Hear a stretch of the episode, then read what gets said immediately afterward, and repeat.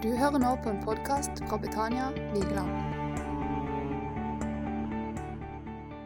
Jeg må begynne med å si det. Utrolig gøy å se dere alle sammen. Det er jo noen som kjenner meg godt, det er noen som kjenner meg litt, og det er noen som kanskje ikke har peiling på hvem jeg er. Men jeg heter Simon Stisen. Jeg er 27 år nå. Kommer fra Mandal. Eh, pastor i Oasen Mandal. Trives godt med det. Har vært det i en god del år. Eh, og I mine ungdomsår så var jeg jevnt og trutt på møte her på Betania. både Helst på ungdomsmøtene, men også jevnlig på søndagsmøtene. Eh, og jeg føler meg ganske hjemme når jeg kommer her. Så hadde jeg tenkt på det, at eh, Når jeg kommer til Betania Vigeland, så er det litt sånn at jeg føler meg såpass komfortabel at jeg kan ta av meg skoene og legge beina på bordet. Eh, dere trenger ikke være redd, jeg har ikke tenkt å gjøre det.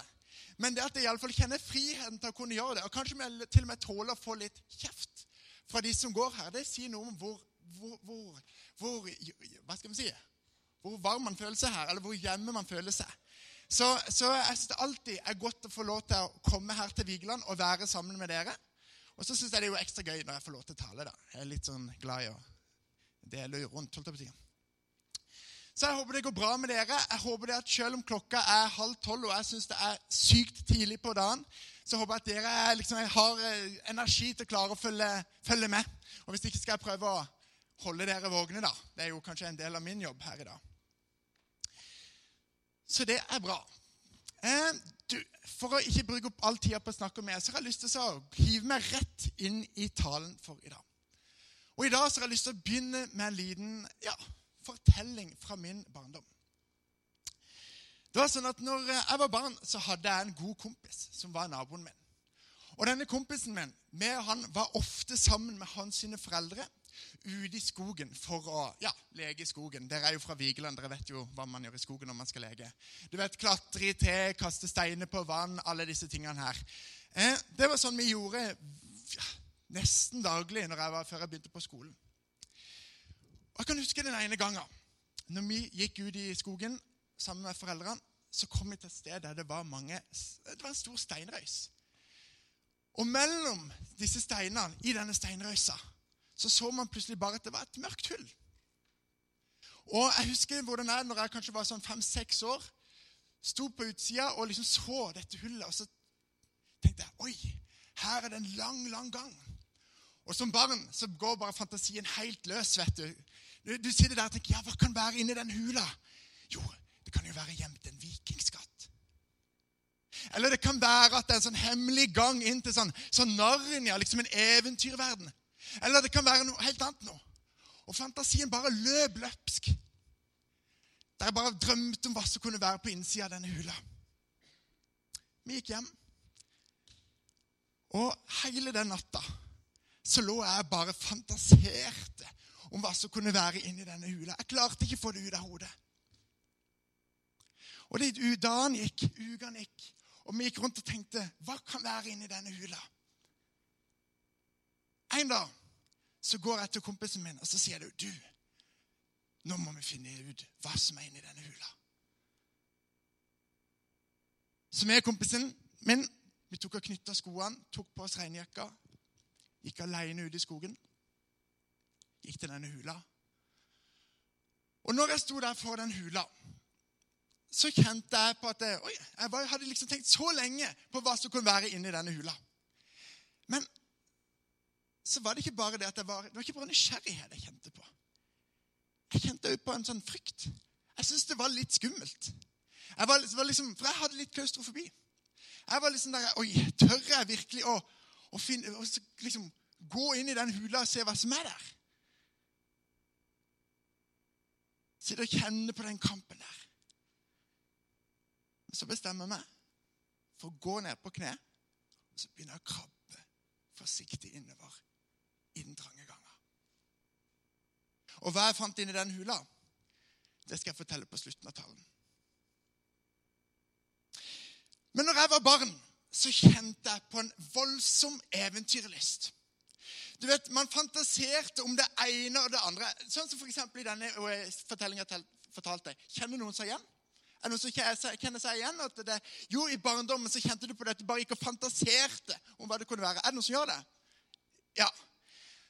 Jeg tror det er ganske vanlig. Jeg tror ikke det er noe unikt med meg. at jeg som barn hadde en veldig nysgjerrighet, at jeg hadde en veldig fantasi og en voldsom eventyrlyst.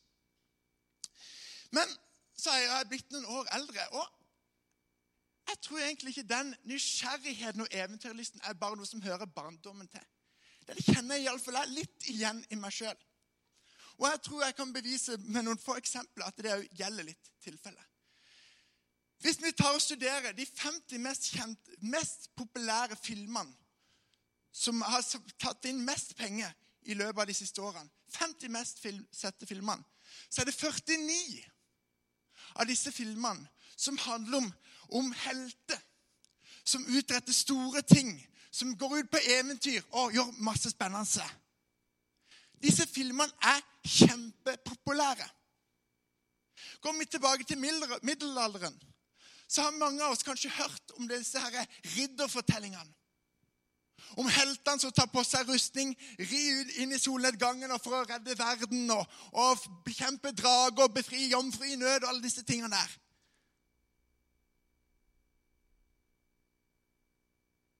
Gjennom alle tider så har mennesket løfta fram disse heltehistoriene.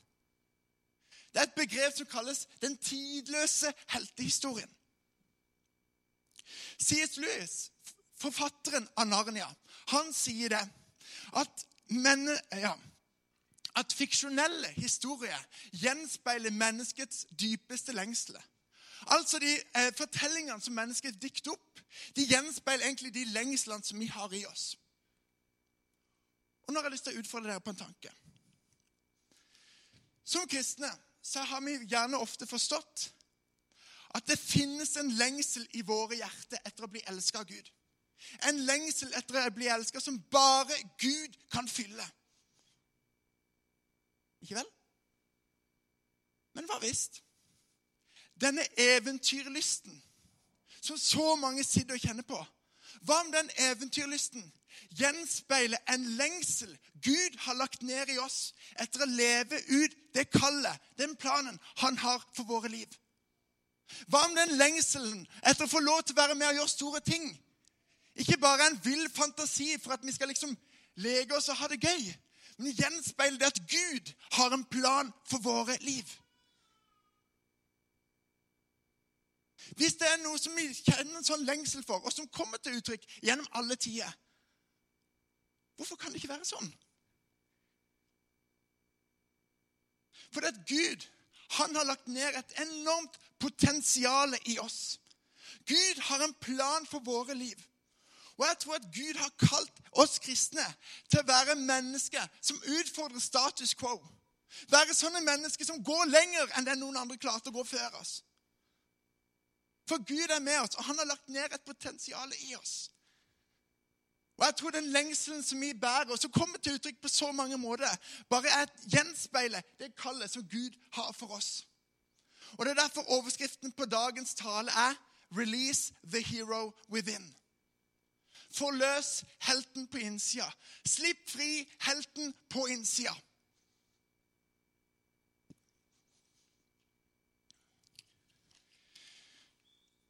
Jeg har, som mange andre, gjennom hele livet blitt fascinert av disse heltehistoriene i alle slags former som de kommer til uttrykk. Og Det er fire kjennetegn som jeg ser at går igjen med disse heltene som blir løftet fram. Disse heltefortellingene. Det ene kjennetegnet med heltene det er at de har noe som er verdt å kjempe for. Den andre tingen er at de setter andre foran seg sjøl. Den tredje tingen er at de møter på utfordringer. Og den fjerde tingen er at de finner mot til å overvinne de utfordringene. Og dette ordet 'mot' det er jeg veldig glad i. Og de fleste har en forståelse av hva dette ordet betyr. Eh, mot er på en måte noe du trenger i møte med utfordringer. En tro på at du kan klare å komme deg igjennom det. Men allikevel, selv om vi har en forståelse av hva ordet 'mot' er, så er det veldig ofte sånn at vi bruker dette ordet veldig feil. Hvis det f.eks. er sånn at noen gjør en ting som ikke jeg kunne tenke meg å gjøre, så ville jeg ofte sagt 'Wow, det var modig gjort'. Men jeg vil påstå at det er en feil måte å bruke ordet på. For mot det handler ikke om å gjøre ting som ingen andre ville gjort. Mot handler ikke om å gjøre noe som på en måte ja, ja, andre ikke ville gjort. Mot det handler om å overvinne frykt i eget liv. Det er mot. Det vil si at bare fordi at jeg ikke hadde turt en ting, men en annen kompis tar det uten problemet, så krever det lite mot av han for å gjøre den tingen. Den som frykter mye, må ha mye mot. Den som har lite frykt, trenger lite mot. Mot er evnen til å overvinne frykt i eget liv. Derfor kan det være så individuelt hva som kreves mot oss for å kunne gjøre. Den dag i dag så krever det ikke like mye eksempel, mot av meg for eksempel, til å preke som det de gjorde første gang jeg gjorde det. Og folk kommer og sier 'Simon, du er så modig'. Nei, er ganske, jeg er ganske avslappa i den settinga nå. Men første ganga, da krevde det mot. Mitt poeng er det. Mot er evnen til å overvinne frykt i eget liv. Og Det er ikke sånn at vi kan gå og sammenligne oss med alle andre og tenke å, han var så modig som turte å gjøre det. Nei, mot kan du bare sammenligne mot din egen standard.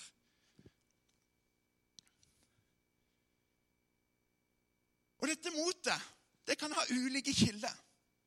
Dette motet det kan du finne i deg sjøl, eller du kan finne det i Gud.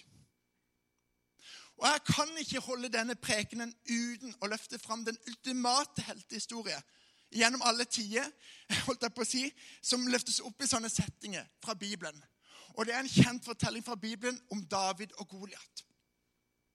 Så hvis du har Bibel, så kan du bla med meg til 1. Samuels bok, kapittel 17.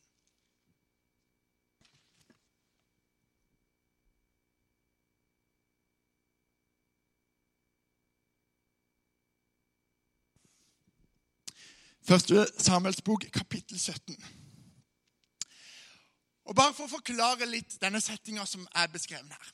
Det er sånn at Israelsfolket har eh, eh, etablert seg i Israel fått dette landet til å bli sitt eget. Men de utfordres støtt og stadig av folk som prøver å erobre og beseire dem. En av disse gruppene som til stadighet kom til krig, det var filisterne. Og Filisterne kom eh, en gang med en stor hær og en stor kriger som heter Goliat. Og så kan vi lese i 1. Samuels bok, kapittel 17, vers 24. Alle israelittene flykta for Goliat straks de fikk se ham. De var svært redde. Det var sånn at Alle de i Israel, alle israelittene som så Goliat, de ble redde og flykta med en gang de så han. Så forteller Bibelen det at eh, Goliat han står og håner Gud, gjør narr av Israels Gud og Israels folk og alt som er. Og så står det det at det er en hyrdegutt som heter David, som kommer forbi og hører hvordan Goliat står der og bare spotter og gjør narr. Og han blir sint. Skikkelig, skikkelig sint. Og bestemmer seg Nei, dette finner jeg meg ikke i. Dette går ikke. Dette godtar jeg ikke. Og han ender opp med å utfordre Goliat.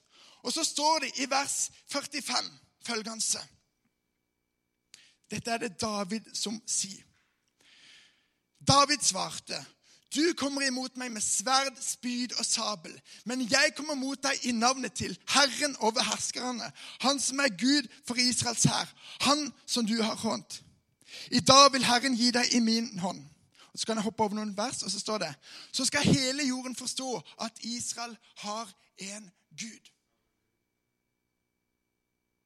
Og for de som har hørt historien før, så vet de at David tar og plukker opp noen steiner, slynger steinene Knockout på Goliat, og han blir beseira. En ganske kjent historie. Men det jeg har lyst til å løfte fram Det fantes to ulike grupper som er beskrevet her.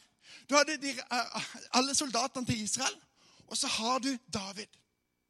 Det beskrives det at alle israelittene ble redde og flykta med en gang de så Goliat. Så står det beskrevet at David han gjorde ikke det. Det står ikke noe om hvilken kilde for sitt mot disse soldatene som flykta, hadde. Men det står noe om hvor David fant sitt mot. Han sier, 'Jeg kommer imot deg i Herren herskernes navn'. Jeg kommer imot deg i Guds navn. Og i det navnet så finner jeg mot til å gå deg rett imot. Og i det navnet så er det han som er mulig til å beseire Goliat og til slutt òg vinne hele det slaget. Man kan ha ulike kilder til mot. Du kan finne det i deg sjøl, selv, selvtillit. Eller du kan finne det i Gud, Gud-tillit. Og la meg bare si én ting. Selvtillit er knallbra. Vi har god grunn til å ha selvtillit, og vi trenger å bygge opp vår selvtillit. Men Gud-tillit er så sykt mye bedre. For selvtilliten den går bare så langt at du bare kan nå strekke deg utover det du faktisk får til. Men hvis du har tillit til Gud, så kan du strekke deg langt utover det som noen gang går an å gjøre.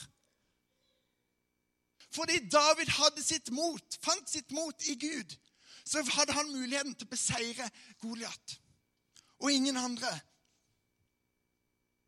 Veldig ofte så løfter vi fram David som et eksempel, med rette. Og så sier vi israelittene de var dumme eller de var feige. Men la, la oss være litt ærlige her. Hvor mange ganger er det ikke akkurat sånn at vi handler akkurat som alle de andre israelittene istedenfor sånn som David? Spør deg sjøl. Hvor mange ganger er det ikke du heller velger den og gjør sånn som israelittene framfor sånn som David? Jeg kjenner meg iallfall truffen av den.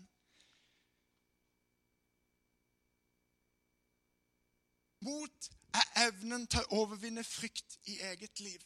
Og frykt, det kan være så mangt. Og Derfor har jeg lyst til å bruke, fortelle et eksempel fra eget liv som viser hvordan frykten kan ta så mange ulike former. Som noen av dere vet, så var det sånn at når jeg var 14 år, så skilte mine foreldre seg. Og Veldig kort tid etter skilsmissa så brøt pappa kontakten med alle oss barna. Og når han gjorde det, så var det skikkelig skikkelig tøft for meg. Og også for søsknene mine, for så vidt. Den personen som kanskje skulle vært viktigst at du hadde der gjennom livet, til å stole på og stå sammen med, en far og en mor, velger å klippe tråden og gå sin vei. Et skikkelig tillitsbrudd som var skikkelig tøft for meg. Og i denne tida så slutta jeg til slutt å stole på folk. Jeg syntes det var skikkelig vanskelig.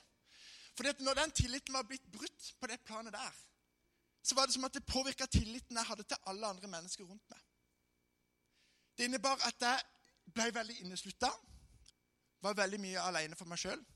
Jeg hadde mange venner, men jeg hadde ikke mange ordentlige venner som jeg kunne snakke om de tingene som var vanskelig. Og det er en viktig forskjell. Så jeg hadde masse ting som var tøft og vanskelig, og holdt det for meg sjøl. Og når jeg nærmer meg min 18-årsdag Kort fortalt, jeg, jeg, forlot jo Gud i denne tida. Jeg klarte ikke å leve nær Gud. Det var for komplisert, det var vanskelig. Men så var det sånn, for å fortelle det litt enkelt, sånn at når jeg nærmer meg min 18-årsdag, så svarte Gud på noen bønner, og han møtte meg skikkelig sterkt. Og jeg bestemte meg for at jeg vil følge Jesus no matter what. Og En av de tingene som jeg sa til Gud det øyeblikket jeg valgte å gi meg til ham, det er at nå trenger jeg din hjelp. Du ser at jeg har sittet i dette mørket og denne kampen med meg sjøl, og jeg trenger hjelp av det. Og Jeg har bare lyst til å fortelle én ting i denne perioden når jeg satt mye alene for meg sjøl og var egentlig tidvis ganske så deprimert, så er det et sted som jeg flykta litt for å bli hva skal jeg si, for å bli, for å ha det greit. Det var nemlig sånn at Mange ganger når jeg satt hjemme for meg sjøl, så satt jeg og spilte TV-spill. Og ikke, Det er ingenting galt med det. Det er ikke det jeg sier nå. Bare hør nå. Jeg satte meg ofte ned og spilte TV-spill. Vet du hvorfor? For når jeg tok opp den kontrollen og begynte å spille, så kunne jeg få lov til å være en helt i en verden der jeg kunne få lov til å redde verden fra å gå under eller befri verden fra mørket eller hva det skulle være.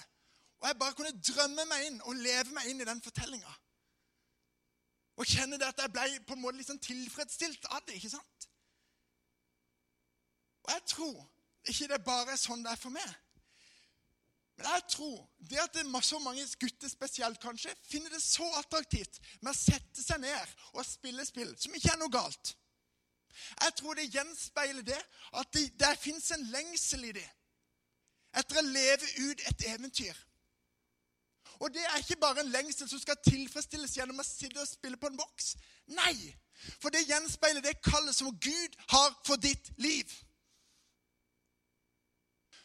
Legg fra deg fjernkontrollen, løft opp blikket, og la denne verden være der du skal få lov til å være, leve ut eventyret. Gud har en plan for ditt liv.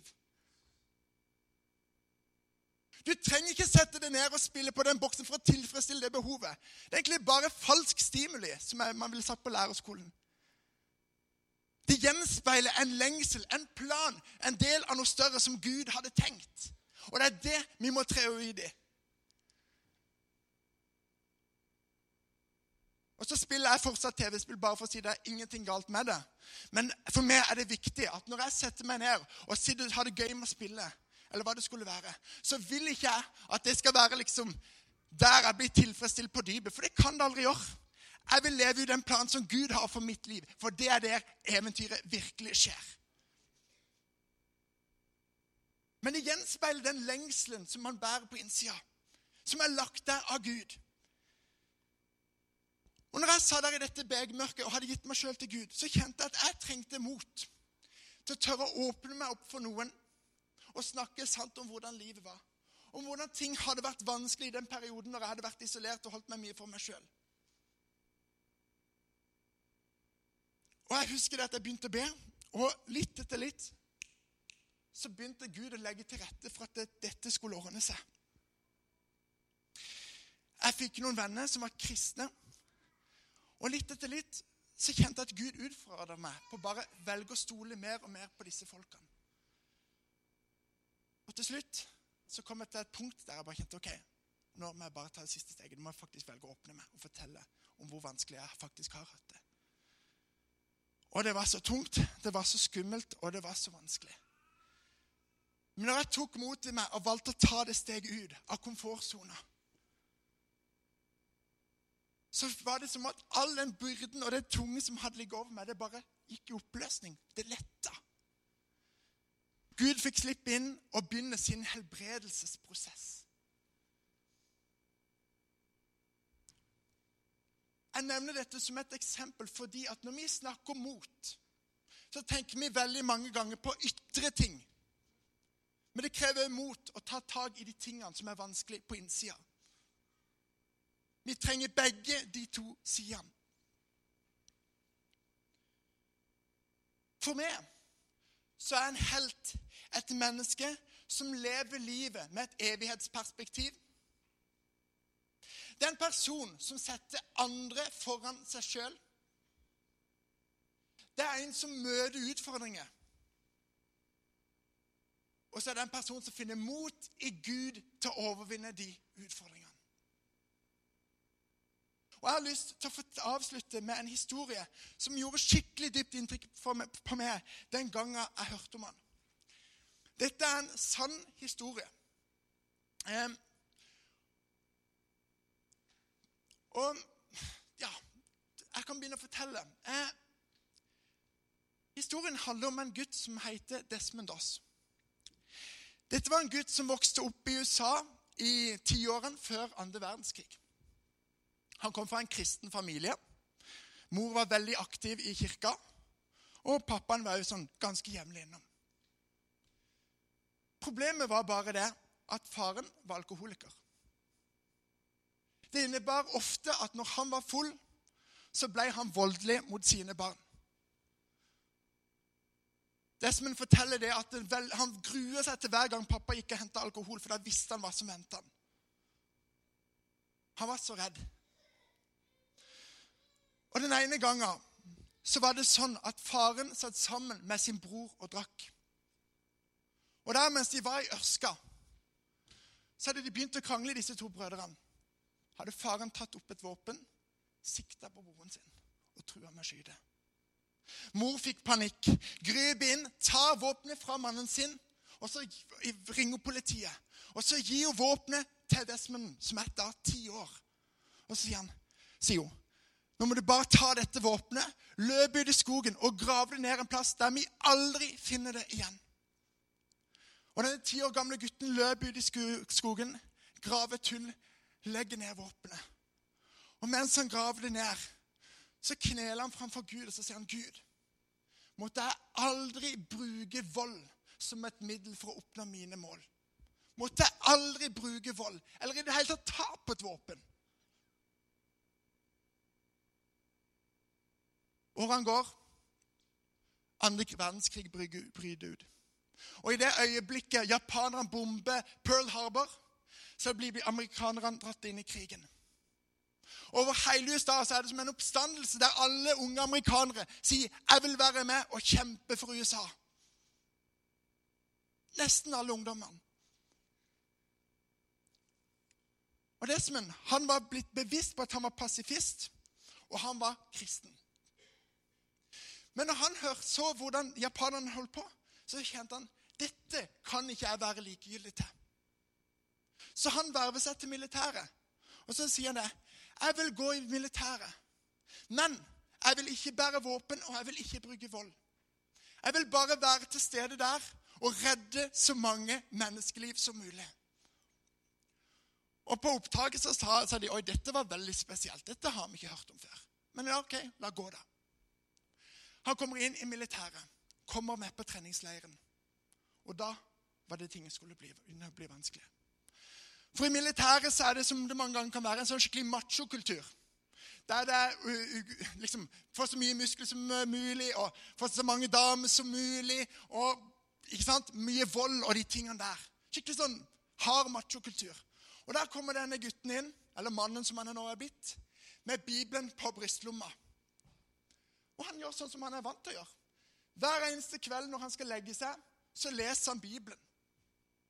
Hver eneste sabbat eller hviledag, så slapper han av. Og det får ikke han lov til pga. Eh, religionsfriheten. Men når han ble stilt overfor det, den, om han skulle bære våpen eller ikke, så sa han blankt nei. Og han møtte en vanvittig motstand fra ledelsen på, i militæret der. De sa ikke tale om at du får lov til å være med på slagfeltet sammen med oss hvis ikke du bærer våpen. Så sier han jo, jeg har fått lov til det, og jeg vil være der. Frustrasjonen vokste. Lederne i militæret de gjorde alt de kunne for å få han ut av militæret.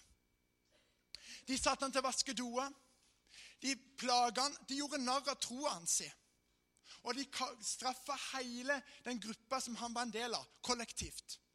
Og så sa de dette gjør vi pga. han nekter å, å følge ordrene og bære våpen. Og Det innebar at de andre på gruppa de ble så irritert av ham at han våkna opp noen netter der han bare ble skamslått fordi de hadde så mye raseri som de bare ville få utover ham. Bare fordi han ikke ville bære våpen. Men han sto fast. 'Jeg vil ikke gjøre dette'. Til slutt, når han skulle uteksamineres, så ble han innkalt på et kontor, og han fikk beskjed. Det siste du skal gjøre nå, før du får lov til ut og få godkjent, det er at du skal ta og bære dette våpenet. Han sier nei, det skal jeg ikke. Og da klikker det for de militærlederne. De tar og sender han inn på ei glattcelle, og så sier du nå du, skal du gå fram for krigsrett. Der kommer han inn, så skal han forsvare sin rett til ikke bære våpen. Og Jeg skulle egentlig vise noen klipp fra en film eh, om dette, men nå skal jeg heller gjenfortelle, siden det er et problem med prosjektoren. Der står han foran alle militærlederne så sier han det at jeg kan av samvittighetsgrunner ikke bære våpen. Jeg vil ikke ta et liv. De andre skal få lov til å gjøre det. Men det jeg vil gjøre, det er at jeg vil være til stede på slagfeltet der. Og mens alle de andre skyter og gjør de tingene der, så vil jeg være der og løpe rundt og redde så mange menneskeliv som mulig. Og det hadde jeg aldri hørt om noen som hadde de perspektivene. Og etter mye kamp så gikk det til slutt igjennom, så vidt. Desmond blir sendt sammen med sin bataljon til ei øy som heter Okinawa. Ei øy mellom Japan, eller utenfor Japan. På denne øya var det store slag mellom amerikanerne og japanerne som ble utkjempa. Oppå denne øya så hadde de en klippe som de kalte for Hacksaw Ridge. Som er ved navnet på en film som anbefaler på det sterkeste. Oppå denne, eh, denne klippen så kjempa slagene seg ofte ut. Og det var brutale forhold. Mange døde kropper, kroppsdeler, rotter, larver, intens lukt. Alt ligger bare i ruiner. Et evig kaos. Og Der kommer det altså denne bataljonen med amerikanere opp for å kjempe mot japanerne. Og Desmond Doss kommer med ingenting annet enn en bibel på brystlomma. Slaget setter i gang. Skuddene går begge veier. Folk detter én etter én. Og hver eneste gang Desmond ser en person som er skada, løper han bort og så prøver han å få livet i og få dem ned. Det fortelles bl.a. at det var en mann som hadde fått sprengt av begge beina, for å si det som det. Og de soldatene som var rundt, de sa det, denne personen går ikke an å redde. Han kommer til å dø. Han, og så sitter denne og bare griner og sier, kan ikke du, kan ikke du kan ikke du gjøre en innsats? Jeg har barn hjemme som venter. Og alle de andre sier dette går ikke. Men det som bare sier, dette er et menneskeliv som er verdt å redde, og vi tar han med oss. Denne mannen tok de ned. Han overlevde og ble gammel. Sånn løp han rundt og så etter mennesker som, han, som var skada, som han kunne redde, uten noen mulighet til å forsvare seg sjøl. Kvelden kommer, og de legger seg ned til hvile. Neste dag så kommer japanerne med enormt, enorme forsterkninger. De kommer i et antall som er, ikke går an å møte. Og Amerikanerne de skjønner nå må vi trekke oss tilbake. Vi må bare komme oss ned fra denne klippa så fort som mulig. De løper bort til kanten av klippen og klatrer ned etter eh, et nett som de hadde satt opp i denne forbindelse. Og i det øyeblikket, når, når sjefen sjøl si i militæret, gir beskjeden Kom dere tilbake så fort som mulig og redd deres eget liv. Så spør Desmond sjefen sin. Han løfter blikket til himmelen og spør han, Gud, hvor vil du ha meg? Sjefen for militæret sier, 'Jeg må bare komme meg vekk.' Men jeg vil høre, hva har du å si? Og så forteller Desmond det at han syntes det var litt vanskelig å høre hva Gud sa der. Kanskje ikke så rart i og med at det er bomber som sprenger overalt, og masse røyk og lyd og sånne ting. Men så sa han det, men så hørte jeg noen inne fra flammehavet som roper 'Gud, hjelp meg'. Og da skjønner Desmond med eneste gang hva han skal gjøre. Han tar på seg hjelmen snu 180 grader rundt. Går i motsatt retning av det eh, militære sier, og alle de andre medsoldatene hans gjør. Løper inn i flammehavet for å se etter menneskeliv og redde. Uten et eneste våpen, bare en bibel på brystlomma. Her på dette slagfeltet så begynte han å løpe rundt. Og husk omstendighetene. Rotte, lik, masse gjørme, alle disse tingene her. Ikke minst at du når som helst kan bli skutt og dø. Under disse omstendighetene så løper denne gutten alene rundt. Sjekker mennesker som ja, kropper for å sjekke om det var liv i det. Og hvis det var det, så tok han dem opp på skuldra. Bar de hele veien bort til denne kanten. Tok et tau, knytta rundt livet på dem og heiste dem ned. Så var det noen på bunnen av klippa som sto der knytta opp, tok med seg personen. Så løp han videre igjen, igjen i flammen. Leide etter et nytt menneskeliv å finne. Når han fant liv, tok han de med tilbake. Knytta tau på dem. Heiste de ned. Løp tilbake, leide etter nye menneskeliv. Sånn holdt han på fram og tilbake og leide i flere dager etter menneskeliv som han kunne få lov til å være med og redde.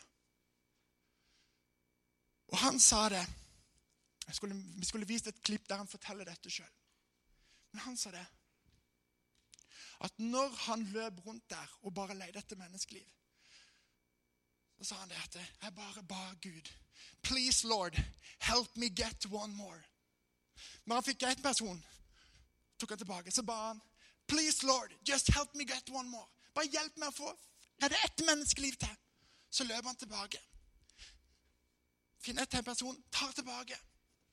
Så sier han, 'Please, Lord, please help me get one more.' Mens han var på jakt etter mennesker som han kunne få lov til å være med redde, så ba han bare Gud. Gud, gi meg styrke til å redde ett menneskeliv til. Ett menneskeliv til. Under disse omstendigheter.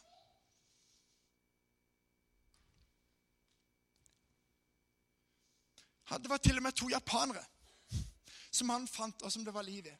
Fienden som han tok med seg og heiste ned. Og De andre amerikanerne de sa nei, de ville bare, de ville bare la, la, de to japanerne dø. Så sa han det kommer ikke på tale om. Dere tar de tilbake og så behandler de dere som alle andre mennesker.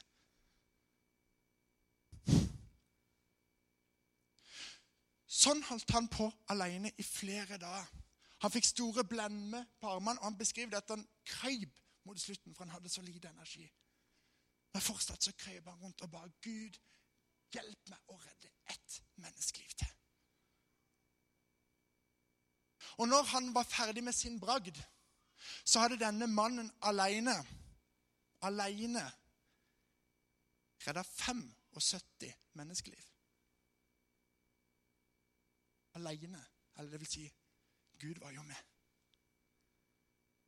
Han hadde blitt gjort narr av hele militærleiren pga. han var annerledes, og pga. hans overbevisning i forhold til pasifisme, og pga. sin tro. Men det var de tre tingene som gjorde at han var i stand til å redde 75 menneskeliv. Og det som er så kult, det er at etter at dette slaget var utkjempa, at han hadde gjort sin bragd, så var det sånn at når denne hæren, armeen, skulle gå videre For det er jo sånn det må gå på videre uansett hvor vanskelig det er. Så fortelles det, at alle disse som hadde gjort narr av han pga. sin kristne tro, det de hadde sagt er, vet du hva, Vi tør ikke å gå videre før Desmond har tatt og bedt for oss. Så neste gang de skal gå videre i slag, så står Desmond der med Bibelen sin, og så leder han de i bønn. For det at de sa Vi tror ikke på Gud sjøl, men vi tror så sterkt på hvor mye Desmond tror. Og den troa, den må vi bare holde fast i. Og Jeg bare blir så inspirert og det av denne historien. Og Det beskrives faktisk det at når slaget for Desmond gikk mot slutten, så, en, så tok han og sparka en granat vekk for å forsvare sine medsoldater. Og Han fikk store skader i beina og måtte bli båret av slagfeltet.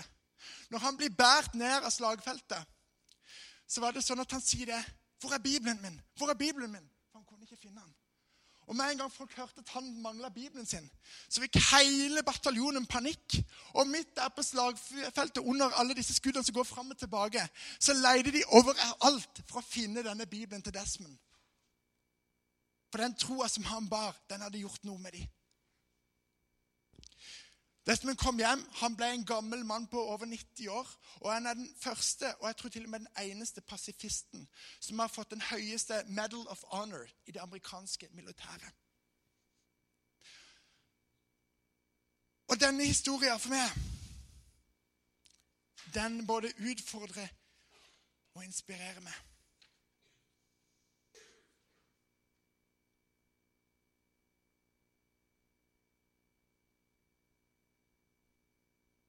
Release the hero within.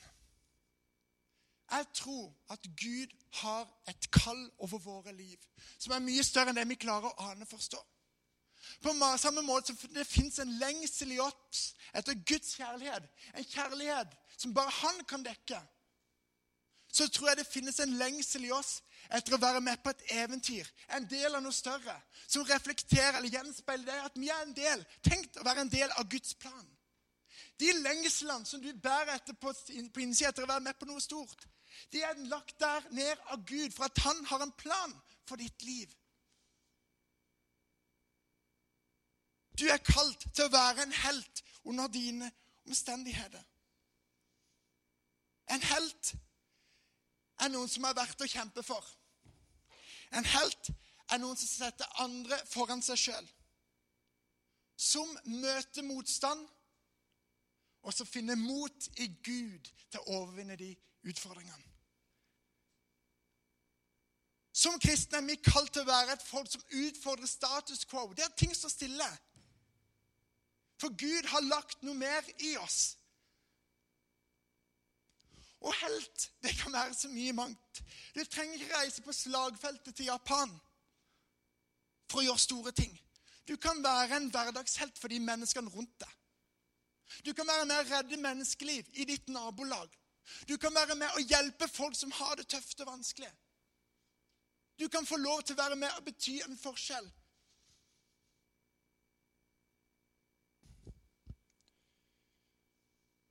Ofte så ber vi om at Gud skal gi oss en så enkel hverdag. Gud, kan du passe på at det blir greit vær i morgen? Kan du passe på at det går greit, og alt bare legger seg til rette? Og Jeg sier ikke imot de bønnene, men jeg har lyst til å utfordre oss på en ting. Istedenfor at vi hele tiden skal be om at livet blir så himla lett alltid, kan vi ikke heller be om at Gud skal gi oss mot til å komme oss igjennom de utfordringene uansett hva det måtte være? Istedenfor at det skal slutte å regne, kan ikke han gi oss mot til å gå rett igjennom det været uansett? Istedenfor at han skal legge til rette for at vi bare får dele evangeliet. Kan ikke han heller bare gi oss mot, sånn at vi kan bryte igjennom uansett? Utfordringer og frykt det er noe som skal bekjempes med mot. Og jeg kjenner en Gud som er villig til å gi oss akkurat det.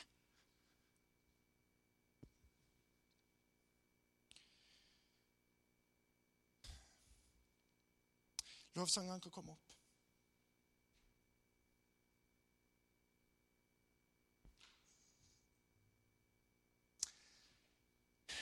Egil Svartdal sa det en gang i forhold til barneoppdragelse.